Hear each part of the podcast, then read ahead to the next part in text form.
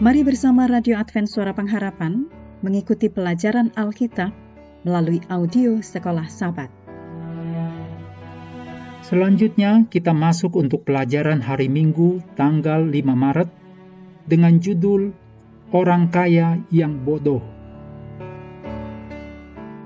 Mari kita mulai dengan doa singkat yang didasarkan dari Mazmur 90 ayat 12 ajarlah kami menghitung hari-hari kami sedemikian, hingga kami beroleh hati yang bijaksana.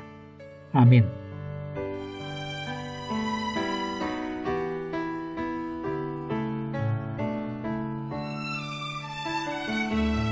Lukas 12 ayat 16 sampai 21 mencatat perumpamaan orang kaya yang bodoh yang juga merupakan pekabaran yang sangat relevan dengan kita saat ini. Perhatikan teguran keras yang Tuhan berikan kepada orang bodoh itu. Ditulis di ayat 20 dan 21. Tetapi firman Allah kepadanya, Hai engkau orang bodoh, pada malam ini juga jiwamu akan diambil daripadamu. Dan apa yang telah kau sediakan, untuk siapakah itu nanti? Demikianlah jadinya dengan orang yang mengumpulkan harta bagi dirinya sendiri, jikalau ia tidak kaya di hadapan Allah. Kisah ini juga adalah untuk kita sekarang, mengenai sikap kita terhadap apa yang kita miliki. Meskipun pekabarannya lebih luas dari kisah ini, seseorang dapat berpendapat bahwa ini adalah kisah yang Yesus ceritakan tentang hal yang tidak boleh dilakukan pada masa pensiun. Dengan demikian, jika seseorang berhenti bekerja untuk menghabiskan harta yang telah dikumpulkannya sendiri, ia harus berhati-hati dan sebaiknya merenungkan secara mendalam kisah dari perumpamaan ini di dalam hatinya. Masalahnya bukan dengan bekerja keras atau mendapatkan kekayaan, terutama seiring bertambahnya usia, dan mungkin bahkan lebih kaya. Masalahnya berhubungan dengan sikap terhadap hal itu. Kata-kata yang ditulis dalam Lukas 12 ayat 19 beristirahatlah, makanlah, minumlah, dan bersenang-senanglah.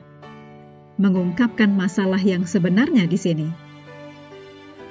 Ellen G. White dalam buku Membina Kehidupan Abadi halaman 193 menjelaskan, Cita-cita orang kaya ini tidak lebih tinggi dari cita-cita hewan yang akan binasa.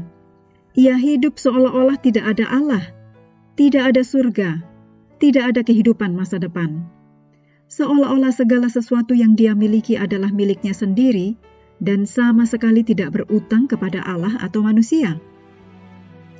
Jika selama tahap kehidupan ini kita berpikir hanya tentang diri kita sendiri dan mengabaikan kebutuhan orang lain dan pekerjaan Allah, kita mengikuti contoh orang kaya yang bodoh itu.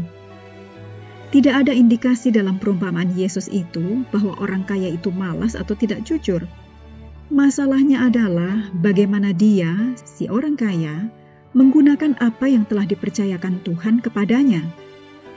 Karena kita tidak tahu hari kematian kita, kita harus selalu siap menghadapinya dengan hidup sesuai kehendak Allah daripada berusaha mengejar kehidupan yang cinta diri. Gambaran besar yang diberikan di dalam kitab suci adalah bahwa seseorang bekerja dan tetap produktif selama dia mampu. Faktanya, menarik untuk diperhatikan bahwa penulis buku-buku nubuatan yang besar, yaitu Daniel dan Wahyu, banyak yang meyakini keduanya ini berumur 80-an tahun ketika mereka menyelesaikan pekerjaan mereka. Dan hal ini terjadi pada saat usia, yaitu rata-rata saat kematian adalah sekitar 50 tahun. Ellen G. White menerbitkan beberapa dari buku yang terkenal dan disukai, seperti Kerinduan Segala Zaman, setelah berumur 70 tahun. Oleh sebab itu, umur selama kita sehat seharusnya tidak berarti bahwa kita berhenti menjadi produktif. Dan sedapat mungkin, sebanyak mungkin, melakukan kebaikan. Dalam Matius 24 ayat 44 sampai 46, Yesus menasihati mereka yang menantikan kedatangannya yang kedua kali untuk tidak hanya menunggu, tetapi juga terus bekerja. Pada umur berapapun dan dengan jumlah uang berapapun, kita perlu bisa menghindar jatuh ke dalam perangkap yang dilakukan oleh orang kaya yang bodoh dalam perumpamaan Yesus. Saat ini tanyakan pada diri Anda sendiri, apakah tujuan hidup saya? Mengakhiri pelajaran hari ini, ayat hafalan terdapat dalam Wahyu 14 ayat 13. Dan aku mendengar suara dari sorga berkata, Tuliskan, berbahagialah orang-orang mati yang mati dalam Tuhan sejak sekarang ini.